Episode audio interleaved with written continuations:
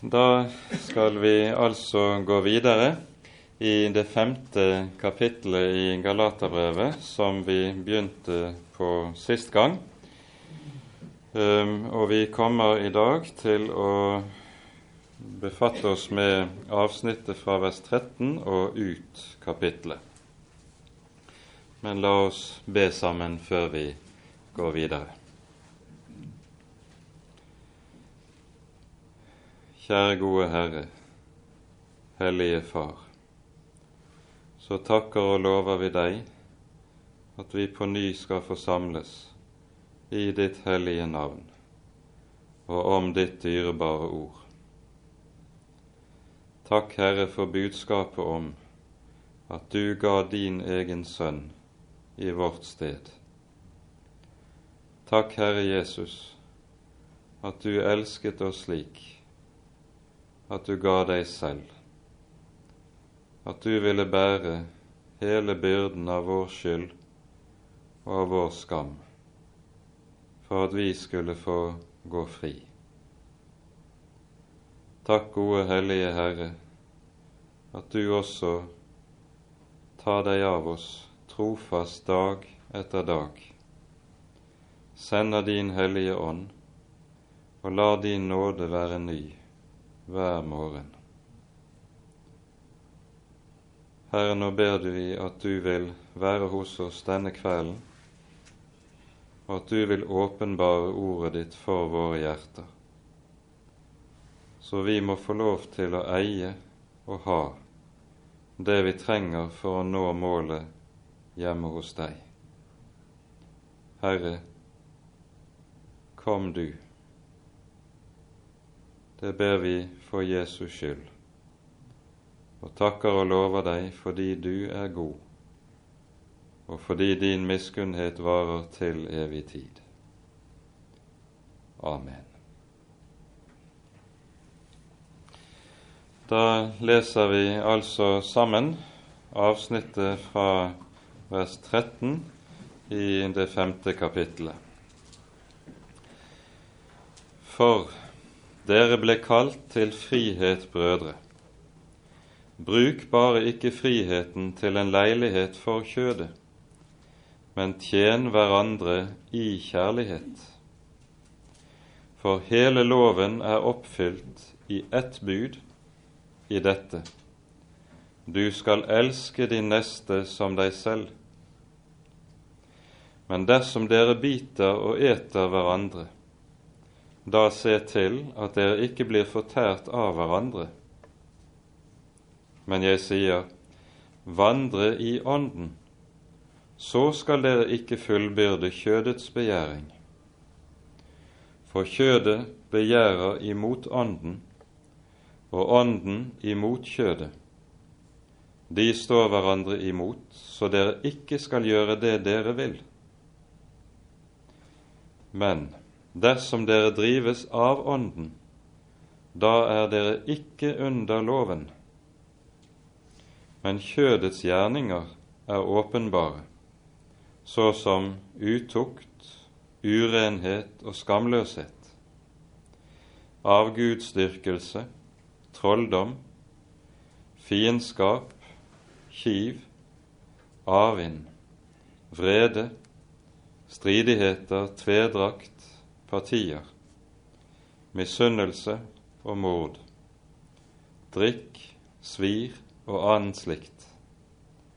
Om dette sier jeg dere forut, like som jeg òg forut har sagt, at de som gjør sådan, skal ikke arve Guds rike.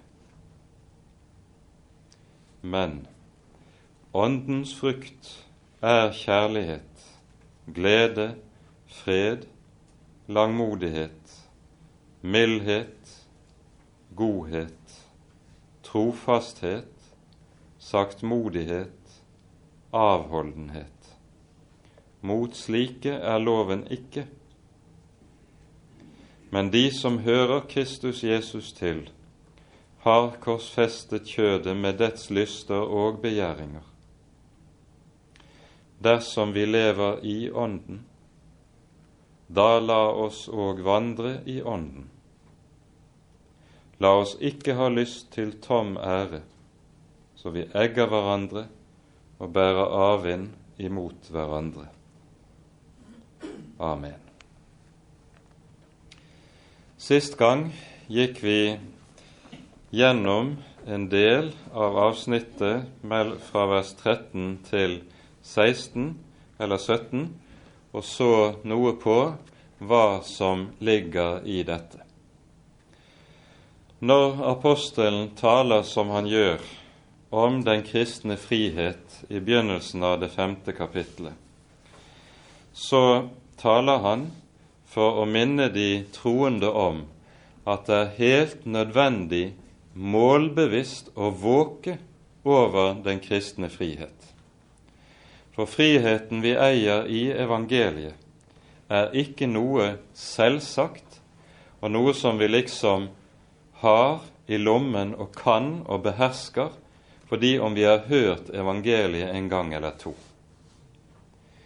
Det er tvert om slik at friheten i evangeliet, den er noe som vi meget fort kommer bort ifra. Og det henger sammen med det faktum at det gamle mennesket i oss, det er lovisk av natur. Det er nemlig slik at når Eller på samme måte som Djevelen har en forbundsfelle i oss når det gjelder fristelsen til synd, i det vi har det gamle mennesket. Så har djevelen også en forbundsfelle i oss når det gjelder det som har med, skal vi si, det læremessige, i det hjertet vårt stadig drar hen imot loviskhet og søker hen imot en forkynnelse som fremelsker loviskheten. Evangeliet er slik etter sin egen art at det er dypt fremmed for vårt gamle menneske. Og Derfor er det også slik at det gamle mennesket stadig drar i retning bort fra budskapet vi eier i evangeliet.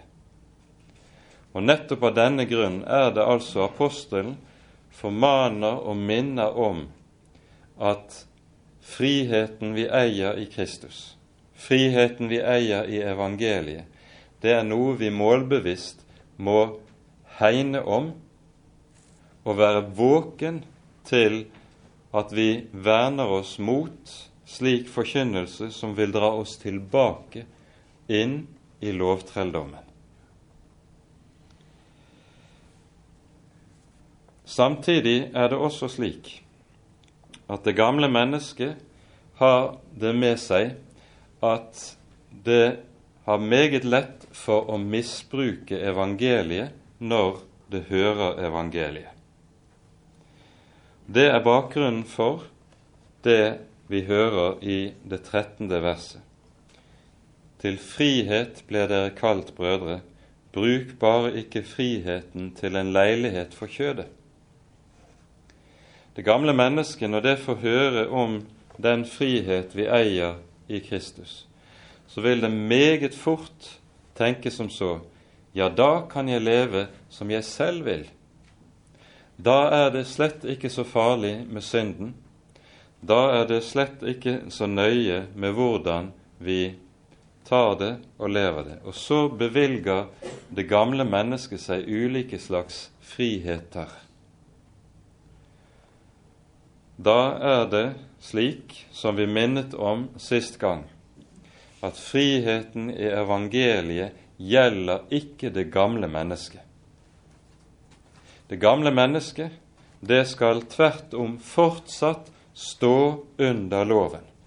Og loven er gitt når det gjelder det kristne livet, nettopp med tanke på å holde det gamle mennesket i tømme og til å være bånd og jern på det gamle mennesket.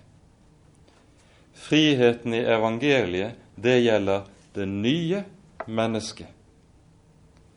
Det nye mennesket, det er slik at det skal ikke ha noen lov boende i samvittigheten. Det skal ikke ha noen lov som grunnlag for gudslivet.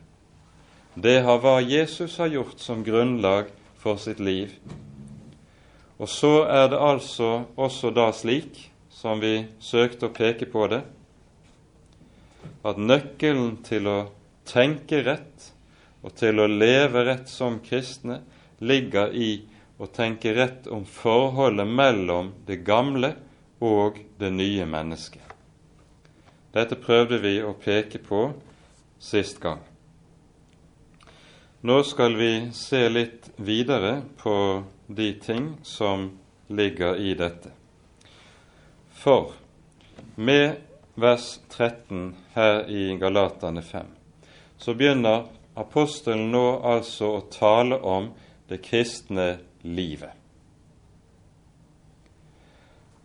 Og Grunnen til han gjør det, det ligger jo naturlig i forlengelsen av dette, nemlig at den sunne lære hører alltid sammen med et sunt og et sant kristent liv.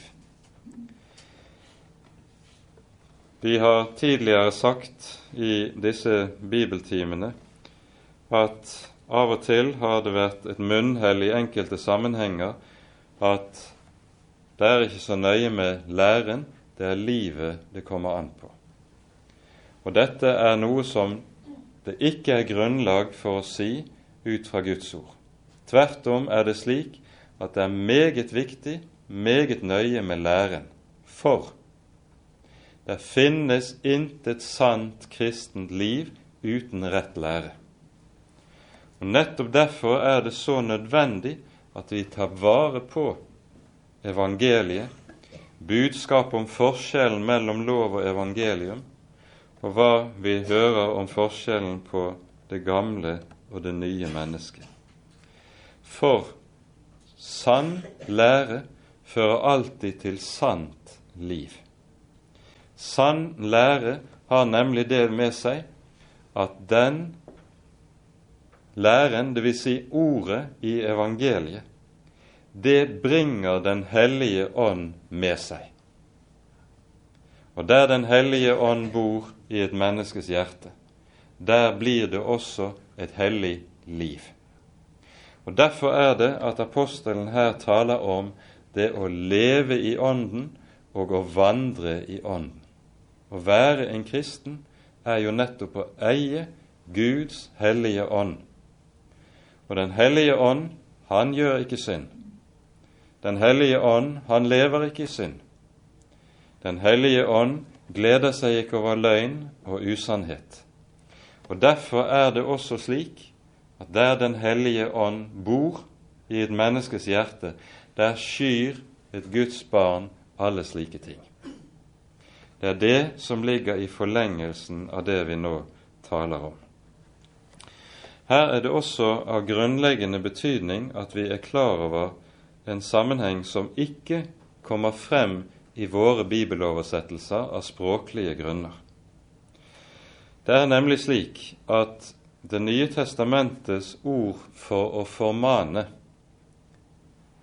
det har samme stamme i grunnteksten som Det nye testamentets ord for Ånden nemlig det navn som Den hellige ånd har når han kalles for talsmannen. Det å formane, det er nettopp det å tale i og med Den hellige ånd, slik at Ånden kan virke det nye livet hos en kristen. Og Her er det et viktig avsnitt i profetien i Det gamle testamentet som kommer oss til hjelp. Esekiel 36. kapittel. Vi leser her fra vers 25 av, til og med vers 27. Her sies det slik.: Jeg vil sprenge rent vann på dere, og dere skal bli rene fra alle deres urenheter og fra alle deres motbydelige avguder vil jeg rense dere. Jeg vil gi dere et nytt hjerte, og en ny ånd vil jeg gi inn i dere. Og jeg vil ta bort steinhjertet av deres kjød og gi dere et kjødhjerte.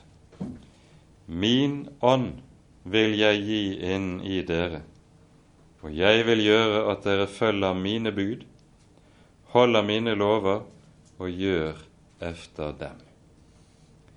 I disse tre versene kan vi si det slik at i vers 25 tales det om syndenes forlatelse.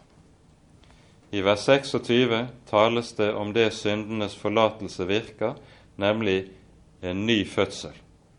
Jeg vil gi dere et nytt hjerte.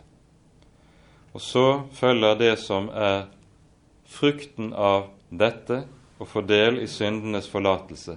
Min ånd vil jeg gi inn i dere. For med evangeliet følger Ånden. Og hva gjør Ånden? Jo, hører vi, Ånden gjør at dere følger Herrens bud og holder Hans lover og gjør etter dem. Dermed er det altså slik, som vi søkte å understreke også i forrige bibeltime, at selv om loven krever hellighet, krever helliggjørelse hos oss, så er det dog slik at det bare er evangeliet som kan virke det hos Guds barn. Helligheten kreves av loven, men virkes av evangeliet. Loven kan ikke skrive seg selv inn i menneskenes hjerte. Den griffel som skriver Guds hellige lov inn i menneskenes hjerte, det er nettopp evangeliet. For der Guds ånd tar bolig, der fødes nettopp det som kalles for den villige ånd, en rekke steder i Det gamle testamentet, som har trang til å gjøre etter Herrens ord og befaling. Når Paulus taler om det gamle mennesket hos seg selv, sånn som vi hørte det også sist i Romerbrevets syvende kapittel, når han sier om seg selv 'Jeg vet at i meg, det er i mitt kjød, bor det intet godt. Han er uhyre radikal her. Så taler han likevel nesten i samme åndedrag slik Jeg har lyst til Guds lov etter mitt innvortes menneske, men jeg ser en annen lov i mine lemmer. Hva er dette hos Paulus som har lyst til Guds lov etter hans innvortes menneske? Jo, det er nettopp Den hellige ånd som har tatt bolig. Det er nettopp det nye mennesket som er født ved evangeliet. Og så er apostelen to mennesker på en og samme tid, og disse ligger i strid med hverandre. Gamle mennesket har slett ikke lyst til Guds lov, men det nye mennesket, det gir Guds lov rett og det har trang til og trakter etter å vandre etter Guds hellige lov. Slik er det altså at det nye mennesket har vunnet skikkelse i og begynt å spire i et Guds barn. Hvorledes ytrer og arter nå dette nye mennesket seg? Det hele sammenfattes slik som vi hører det i det 14. verset her i Galatane frem. Hele loven er oppfylt i ett bud. Du skal elske din neste som deg selv. Når Jesus taler om og forkynner om kjærligheten til nesten, så er det slik at dette nettopp spiller denne rolle at kjærlighetsbudet er en sammenfatning av det som er lovens krav og lovens hensikt. Akkurat dette poenget er det altså som understrekes her, og Paulus understreker samme saken også flere steder i brevene, f.eks. Romane 13. Hele loven er oppfylt i dette bud. Du skal elske de neste som deg selv. Og nettopp når det er tale om kjærligheten i det kristne livet, er det vi ser aller tydeligst hvorledes evangeliet spiller den avgjørende rolle. Tenk bare på den sentrale fortellingen i Lukasevangeliets syvende kapittel, der vi hører om synderinnen i Simons hus som kommer og vasker Jesu føtter. Og så sier Jesus om henne hennes mange synder er henne forlatt. Derfor elsker hun meget. Men den som lite forlates, elsker lite. Kjærligheten er nettopp noe som vokser frem av syndenes forlatelse av evangeliet. Og Dette er jo en lov i alt menneskelig liv. For slik er det jo også om vi bare tenker på forholdet vårt til barna. Det barn som møter kjærlighet i hjemmet og under oppveksten, det barn vil også selv lære å elske. Kjærlighet kommer av å bli møtt med kjærlighet. Og Akkurat på samme vis er det i dette grunnleggende forhold til Gud. I dette er kjærligheten ikke at vi har elsket Gud, men at Han har elsket oss først og gitt sin Sønn til soning for våre synder, sies det i Johannesbrevet. Det kan være godt for oss også å være klar over hva slags ord Det nye testamentet bruker når det taler om kjærlighet.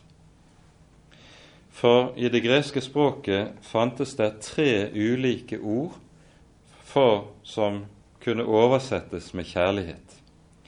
Det ene er ordet eros, som vi har i ordet erotikk i vårt språk.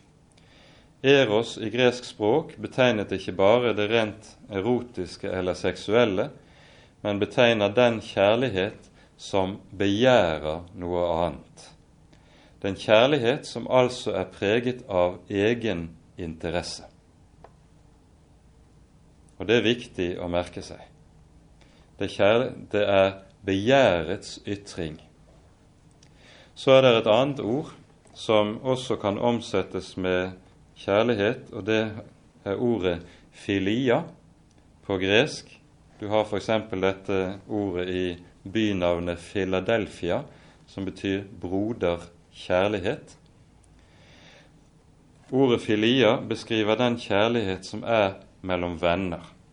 Det er altså en kjærlighet som vokser frem av gjensidig forståelse og sympati mennesker imellom at man kjenner her er vi på bølgelengde, vi har noe felles, og derfor elsker vi. Men det er altså slik at når Det nye testamentet bruker ordet kjærlighet, både når det gjelder den kjærlighet Gud har til oss mennesker, og den kjærlighet som troende mennesker formanes til å ha til sin neste, så bruker det altså ingen av disse to ordene. Den bruker et tredje ord som heter agape. Og Dette ordet beskriver den kjærlighet som er uten egeninteresse, som elsker uten å ha grunn til å elske.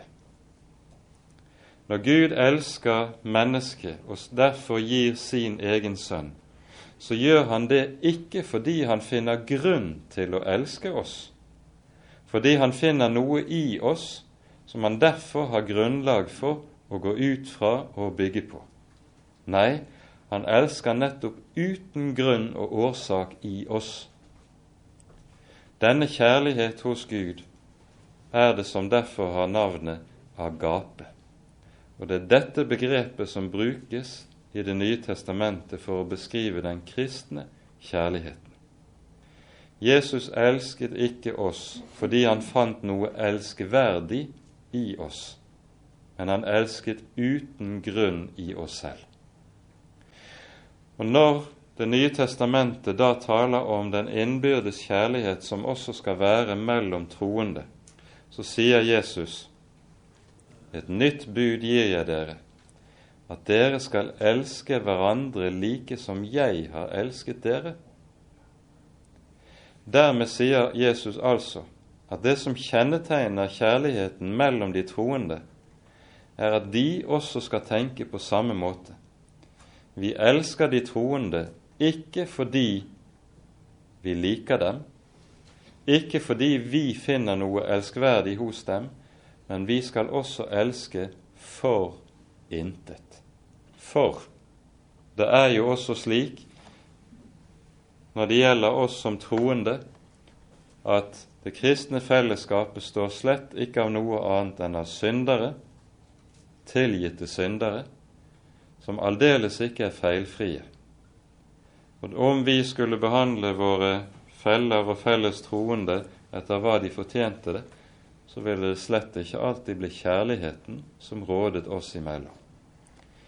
Når det altså er ta, når Jesus sier dette like som jeg har elsket dere, skal dere elske hverandre. Så er det altså tale om at slik Han elsket oss uten grunn i oss selv, skal vi øve oss å elske på samme vis uten grunn i den vi elsker. Og dette er sannelig ikke alltid enkelt for kjødet, for kjødet vil alltid ha noe igjen. Elske for et eller annet.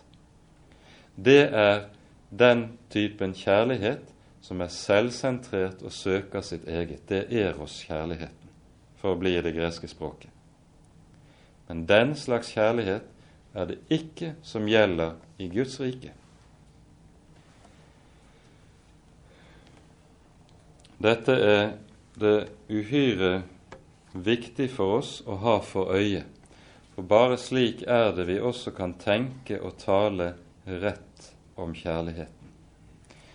For når kjærligheten omtales slik i Det nye testamentet, så kunne vi si at det er et annet uttrykk som nærmest er ensbetydende med og brukes slik at det kan ombyttes med begrepet kjærlighet, og det er ordet å tjene. Den som elsker i Jesu mening av ordet, han tjener sin neste. Kjærlighet er altså ikke en følelse i Bibels betydning av ordet. Det leder hen i ren sentimentalitet og føleri. Kjærligheten handler om å tjene sin neste. Være villig til å stille opp være villig til å hjelpe når nesten trenger hjelp.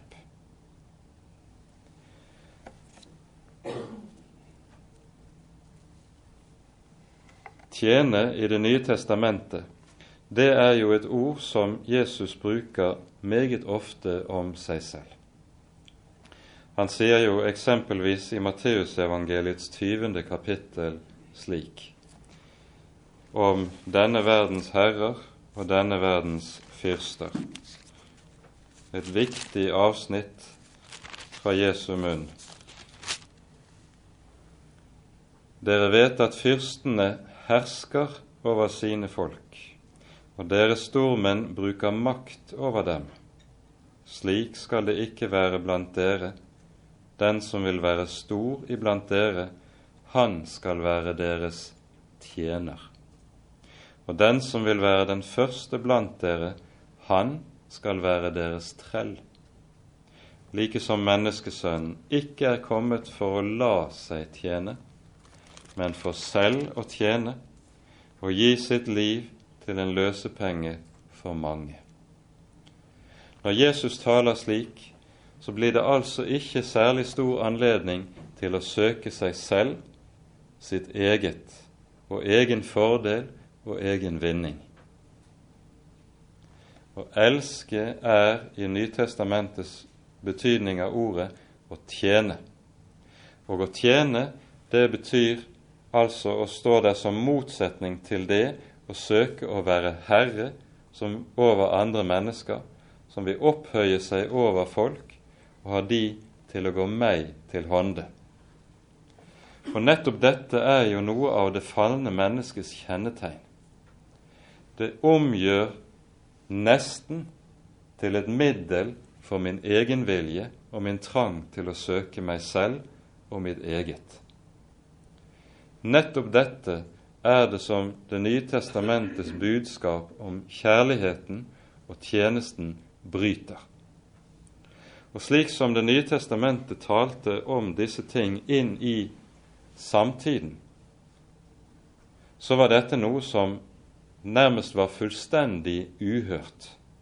For det det gjaldt om i oldtidens antikke kultur, var nettopp å hevde seg, å hevde sin rett, å stå på krava, og om man i den prosessen tråkket på sin neste, så spilte det ingen rolle. For det det dreiet seg om, var nettopp den sterkestes rett. Slik er det ikke etter evangeliene. Menneskesønnen kom ikke for å la seg tjene, men for selv å tjene og gi sitt liv til en løsepenge for mange. Og Derfor er det også slik at kjærligheten er lovens oppfyllelse. Når Paulus taler om kjærligheten i denne mening av ordet, er det vi også hører det slik som vi kjenner det i dette avsnittet fra 1. Korinterbrevs 13. kapittel. Vi kan lese noen vers derfra. Kjærligheten er langmodig, den er velvillig. Kjærligheten bærer ikke avvind den skryter ikke og oppblåses ikke, gjør intet usømmelig, søker ikke sitt eget, blir ikke bitter og gjemmer ikke på det onde.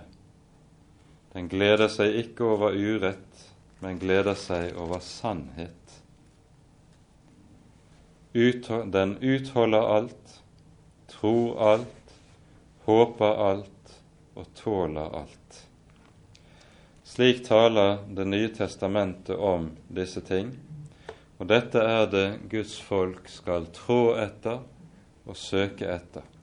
For det som males for våre øyne i dette 13. kapittel i 1. Korinterbrev, det er jo nettopp den Herre Jesus selv. Hvorledes Han elsket, og Hans kjærlighet kom til uttrykk. Og så sier Jesus like som jeg har elsket dere, så skal dere.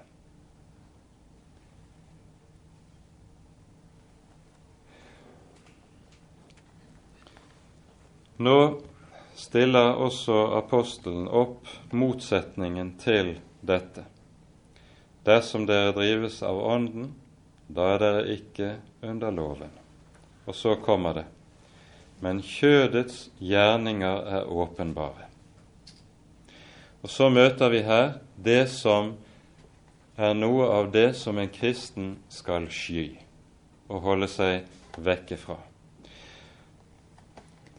Når vi nå har lest denne gruppen, eller dette avsnittet fra vers 19 til og med vers 21, der apostelen beskriver kjødets gjerninger, så kan vi inndele disse kjødets gjerninger i fire undergrupper. Den første undergruppen som vi hører om, det er i det 19. verset synder mot det sjette budet, som lyder du skal ikke drive hor, eller du skal ikke bryte ekteskapet. Det som kjennetegnet antikkens kultur når det gjaldt det sjette bud, det var at det var en kultur som var i uhyre sterk grad seksualisert. Akkurat som vi kan si om vår egen tid at den er seksualisert og seksualfiksert, så kommer den kristne tro og den kristne forkynnelse inn i dette og lærer renhet, avholdenhet, troskap i ekteskapet, i motsetning til alt dette. Det å være en kristen, det er å leve rent på det seksuelle området. Det innebærer for de som er ugift, at de respekterer den grense Gud har satt mellom mann og kvinne. En grense som ikke skal overskrides. Det sjette bud lærer oss tydelig og klart at like som Gud i det sjette budet setter et vern og et gjerde og et hegn om mann og kvinne i ekteskapet, så setter han der også et skarpt skille mellom mann og kvinne når det ikke er ekteskap, når de ikke er gift. Her trenger ikke minst unge mennesker i dag å få klar veiledning. For altfor ofte er det blitt slik i våre dager særlig på dette området at det handler om å tøye grenser. Og når to unge blir glad i hverandre, så er det meget lett både å fristes og til å komme til å tøye grensene lengre enn man bør gjøre.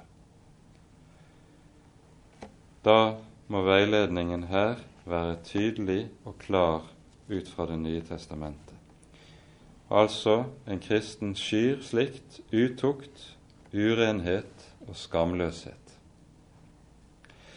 Den andre gruppen av synd som regnes opp her som kjødets gjerninger, det er synd mot det første budet, avgudsdyrkelse og trolldom. At avgudsdyrkelse er noe som er en kristen fremme, det skulle jo være selvfølgelig, men trolldom kommer inn under dette budet. Med trolldom menes alt som har med ulike typer befatning med slikt som har med det okkulte å gjøre. Enten det kalles for healing, det kalles for spådomskunstner, eller det kalles for spiritisme, eller hva man nå vil nevne dette. Slike ting var det særdeles meget av i den hedenske kultur i oldtiden. Og i våre dager vokser dette frem i kjølvannet på det som kalles for nyreligiøsiteten, eller New Age-religiøsiteten. Her er denne typen okkult praksis blitt meget vanlig igjen. Og det er uhyre viktig for troende mennesker å holde en meget klar avstand til slike ting. I Det gamle testamentet finner vi også klare forbud mot å befatte seg med alt slikt som har med denne typen kunster å gjøre. All, okkunst, all okkult praksis kan grovt inndeles i to undergrupper. Den ene undergruppen handler om det å søke å få kunnskap av overnaturlig vei. Det er f.eks. det du finner gjennom spiritisme, spådomskunst, tarotkort og lignende ting, og astrologi. Eller det handler om å få makt eller evner som ikke mennesker har på naturlig måte, slik som man kan få gjennom f.eks. tradisjonell trolldom eller magi, eller f.eks. gjennom healing-praksis. Du finner i dag innen slik New Age-religiøsitet mye av såkalt healing, dvs. Si det å søke å helbrede mennesker for lidelser gjennom kontakt med åndeverdenen. Kristne mennesker må holde seg langt unna slike ting. For Dersom man kommer i kontakt med det, så vil det alltid føre til at disse makter og krefter man får kontakt med, de får et grep om en. Og Det er uhyre farlig, for det vil i siste omgang, hvis en ikke får hjelp til å komme løs fra slike grep, vil det føre til frafall.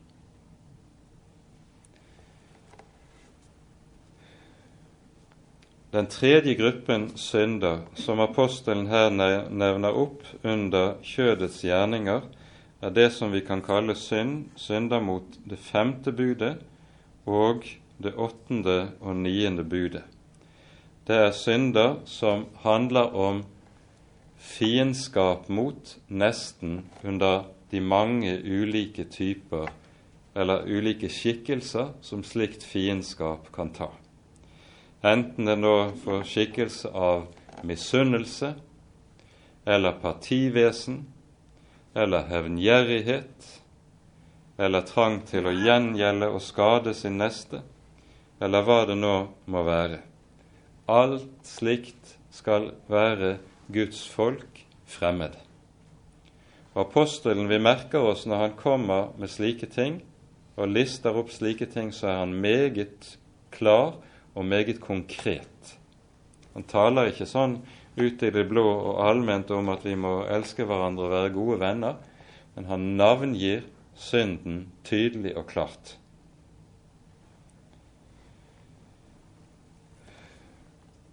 En måte som kjødelig sinn ytrer seg på, det er partivesen, nevner han her. Og det skulle vi kanskje nevne spesielt, eller trekke frem spesielt, som en særlig fare som alltid har ligget nær innen kristne, eller for kristne mennesker. Nemlig den faren at mennesker ut fra kjødelig selvhevdelse, trang til å være stor innen Guds rike og blant Guds folk, griper til særmeninger og danner partier og grupper om seg selv, som så i sin tur fører til splittelse og kiv mellom Guds barn. Det er bare én slags splittelse som Guds ord sier er rett. Og det er den splittelse som kommer på grunnlag av vrang lære.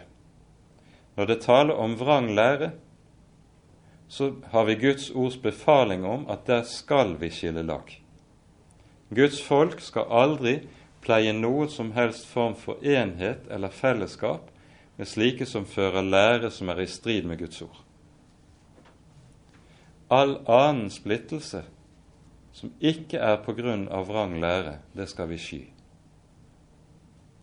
Og Her trenger vi hjelp til å være klare både i vår vurderingsevne og i vår tanke.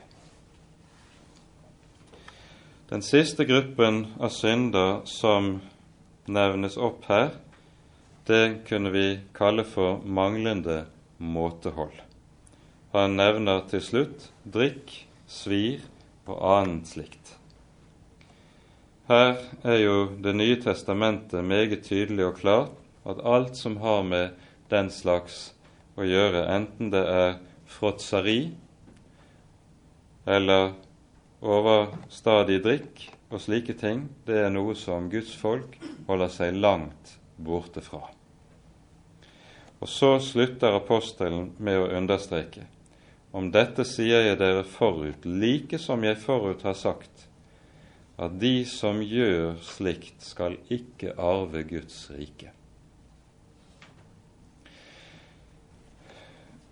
Når nye troende hører denne siste setningen, så kan de lett bli forvirret.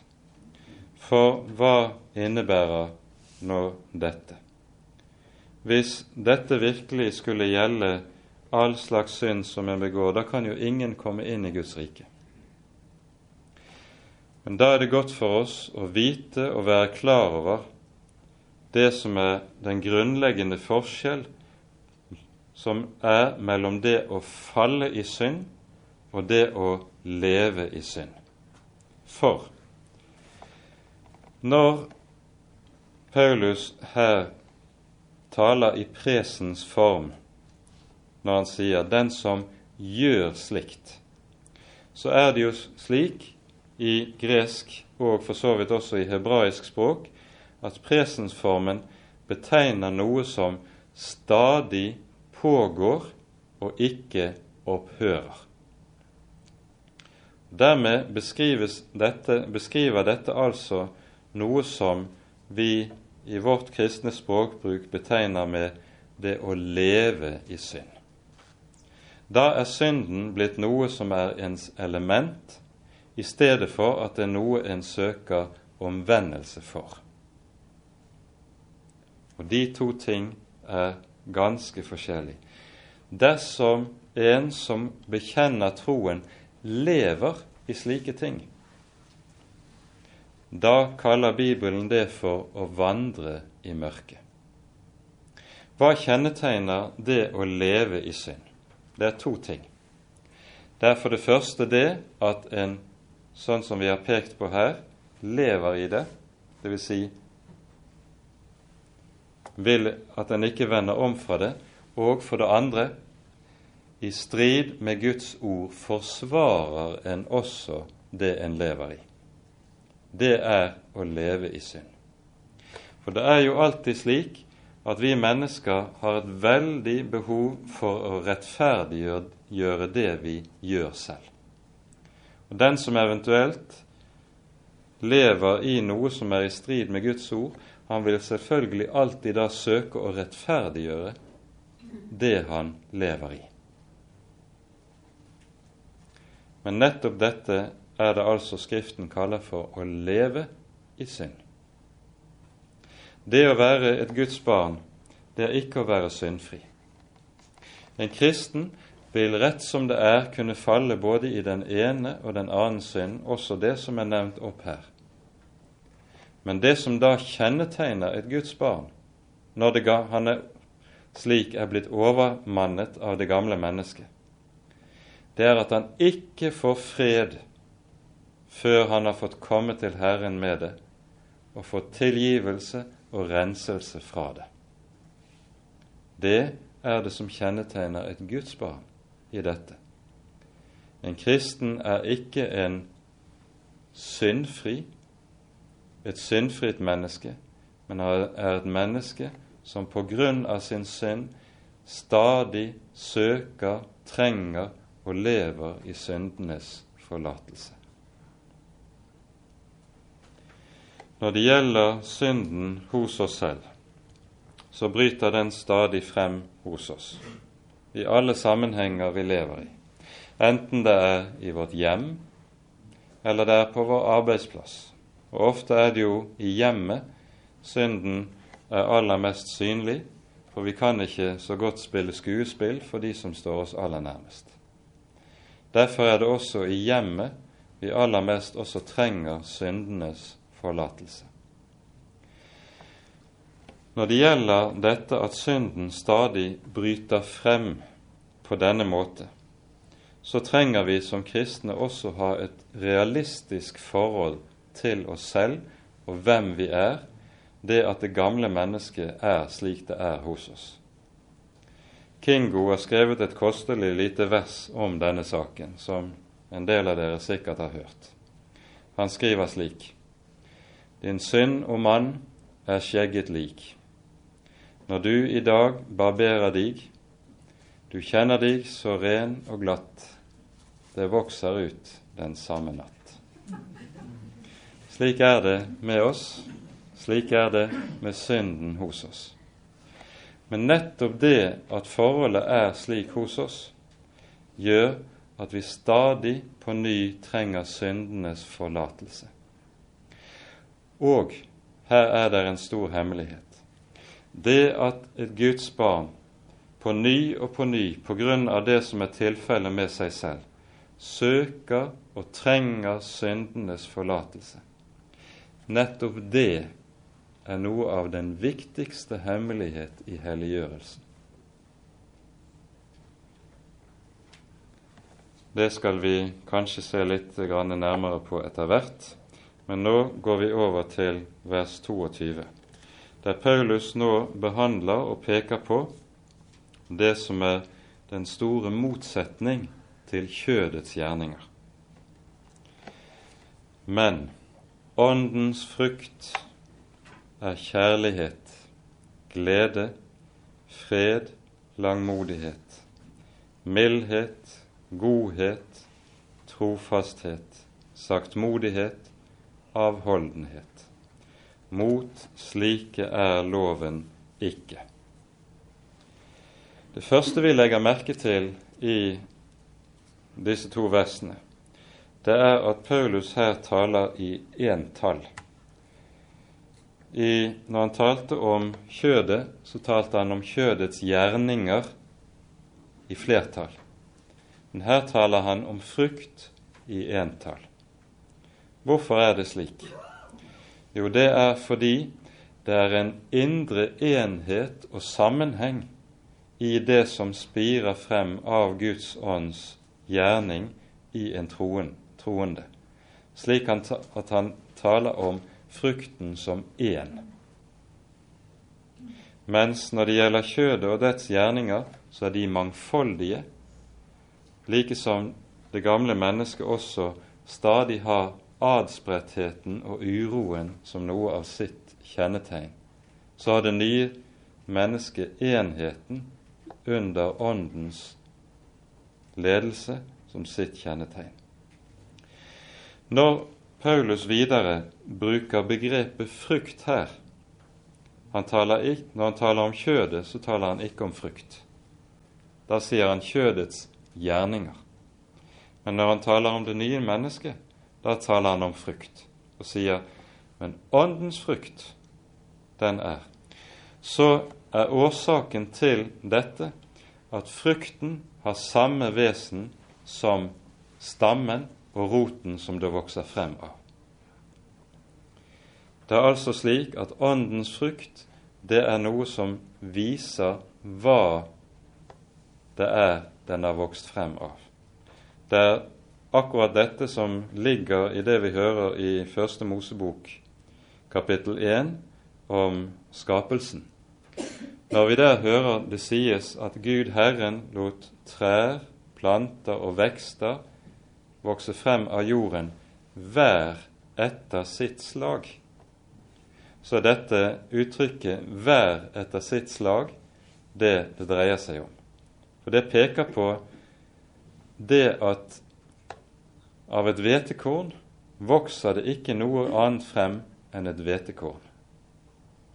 Sår du et hvetekorn, så kan du ikke høste verken bygg eller epler eller nyper. Av hvete spirer det frem hvete. Sår du et frø, så vokser det frem det som er dets frøets slag. Og Det er dette som ligger i skapelsesberetningens uttrykk 'hver etter sin art' eller 'hvert etter sitt slag'. Frøet lar har en artsbestandighet i seg som sørger for at det som spirer frem, er av samme vesen. Og Sånn er det da også med det som kalles åndens frukt. Og så listes disse fruktene opp. Innen jødedommen er det slik at når de feirer pinse, som i jødedommen er en høsttakkefest, så feires dette på ulike måter også i det jødiske hjem. Og i hjemmet er det slik at da samler, samles, samler mor på et fat det som er landets, det lovede lands frukt. Og det er syv frukter. Og disse syv frukter skal minne Israel om Herrens velsignelse som han gir folket sitt. Og dette er i symbolsk form uttrykk for vår pinse. Når vi har fått Ånden, så får vi også Åndens frukt, som her er malt for oss slik. Kjærlighet, som vi har talt om, som den første frukt av evangeliet. Dernest glede. En kristen er et menneske som har grunn til å være glad. Han behøver ikke alltid å føle seg glad. Men en kristen har likevel en bestandig glede i det han har sin glede i Herren. Det er det Jesus har gitt meg, som er min glede. Midt oppi at jeg som et Guds barn ofte kan møte mye nød, mye motgang, mye trengsel, så kan en kristen dog vite at midt oppi alt dette som er vondt, som smaker bittert, så har jeg dog noe som er min glede i livet. Jeg eier frelsen. Jeg er et Guds barn. I nøden har jeg en far som vet å dra omsorg for meg. Jeg behøver ikke å være bekymret. Det er en kristens glede, og det er også en kristens fred. Uttrykket langmodighet det beskriver ikke bare tålmodighet, men det beskriver den tålmodighet som ble vist gjennom lang tid. Å være tålmodig var i oldtiden slett ikke noe ideal. Det var tvert imot et ideal å være utålmodig. Men Guds folk de er altså preget av tålmodighet og langmodighet, noe som ytrer seg i forhold til hverandre. Det er dette Jesus setter ord på når Peter spør Herre, hvor ofte skal jeg tilgi min bror? Så ofte som syv ganger? Og Jesus svarer ikke syv ganger, men 70 ganger syv ganger. Akkurat som vi trenger at Jesus tilgir oss 70 ganger syv ganger, så trenger vår neste det samme. Det sinn skal beherske Guds barn og er åndens frukt. Mildhet, godhet, trofasthet, saktmodighet og avholdenhet. Mot slike er loven ikke. Der Guds hellige ånd får lov til å utfolde seg slik, da er det ikke det å søke seg selv, å søke sitt eget. Der er det ikke egeninteresse og selvhevdelse som preger et menneske. Men det er Jesus sinn, like som han tjente, så søker vi å tjene. Mot slike er loven ikke, sier Skriften. Så slutter apostelen med ordene men de som hører Kristus Jesus til, har korsfestet kjødet med dets lyster og begjæringer. Det Paulus her gjør, det er at han knytter tilbake til det som skjedde i dåpen.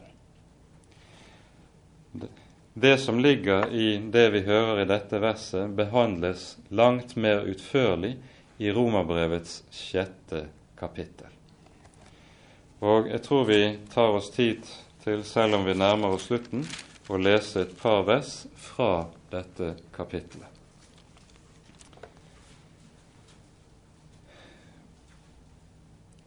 Paulus er nemlig blitt beskyldt for ved dette sitt lovløse evangelium å oppfordre og oppmuntre mennesker til å bli likegyldig når det gjelder hvordan de lever. Og så skriver han hva skal vi da si? Skal vi holde ved i synden for at nåden kan bli desto større? Langt derifra. Vi som er avdød fra synden, hvorledes skulle vi ennå leve i den? Eller vet dere ikke at alle vi som ble døpt til Kristus Jesus, ble døpt til hans død? Vi ble altså begravet med ham ved dåpen til døden, for at like som Kristus ble oppreist fra de døde ved Faderens herlighet, så skal også vi vandre i et nytt levnet. For er vi blitt forenet med ham ved likheten med hans død, så skal vi også bli det ved likheten med hans oppstandelse. Da vi jo vet dette, at vårt gamle menneske ble korsfestet med ham for at syndelegemet skulle bli til intet, så vi ikke mer skal tjene synden. Det som Skriften lærer oss om dåpen, det er med andre ord noe av en nøkkel til helliggjørelsen. Og Dette er viktig for oss å være klar over. Det er jo av og til at det har vært talt om dåpen på en sånn måte at man har fått følelsen av at bare du er døpt, så behøver du ikke å vende om. Saken er jo det motsatte. At er du døpt, så ligger det nettopp i din dåp en dobbelt forpliktelse til omvendelse. For i dåpen er du nettopp forenet med den Herre Jesus i hans død og hans oppstandelse. Noe som peker på en helt grunnleggende sak når det gjelder hva det kristne liv handler om. Helliggjørelse består nemlig ikke i at gamle Adam forbedres, men det består i at gamle Adam dør. Gamle Adam overgis til døden i det han er forenet med Kristus på korset. Han er med andre ord død, begravet, han er ferdig med livet. Dermed har han ikke noen rett til å leve og å ytre seg lenger. Og så er vi blitt forenet med Kristus i hans oppstandelse. Altså, det å være en kristen det er å leve i Kristi oppstandelseskraft, som Paulus sier det i Filippane 3.10. Og så er det å være en kristen ikke selvforbedring, men at Jesus får lov til å komme til uttrykk i livet mitt og vinne skikkelse hos meg. For min helliggjørelse er dypest sett ikke annet enn Jesus selv. Det er derfor Paulus skriver som han gjør i slutten av første kor 1. Av ham, dvs. Si av Gud, er vi i Kristus Jesus, som er blitt oss visdom fra Gud, rettferdiggjørelse, helliggjørelse og forløsning. Min helliggjørelse, det er Jesus selv. Fordi det nye mennesket er dypest sett Jesus Kristus i oss. Det som da er den rette kristne kunst i denne sammenheng, det er å tale om forholdet mellom Kristus for oss, slik som han døde for oss på korset, og Kristus i oss. Og Derfor er det også slik, fordi Jesus er den samme. Jesus som min rettferdiggjørelse, som noe som skjer utenfor meg, og som min helliggjørelse som skjer i meg og med meg, så er det den samme Kristus som både er rettferdighet og hellighet. Og Derfor er det også slik at den som er rettferdiggjort, med nødvendighet også må bli helliggjort for Kristus kan ikke deles. Eier du Jesus til rettferdiggjørelse, så vil det alltid også virke helliggjørelse. Dette ser vi ikke hos oss selv. Hos oss selv ser vi ofte det ganske det motsatte. Men slik virker Kristus der han er til stede. For han er ingen død frelser. Han er en levende frelser som lever og virker når han er hos og i sine troende. Men det er Jesus som er vår helliggjørelse. Og med det tror jeg vi setter punktum for denne timen. Ære være Faderen og Sønnen og Den hellige ånd, som var og er og være skal, en sann Gud, høylovet i evighet. Amen.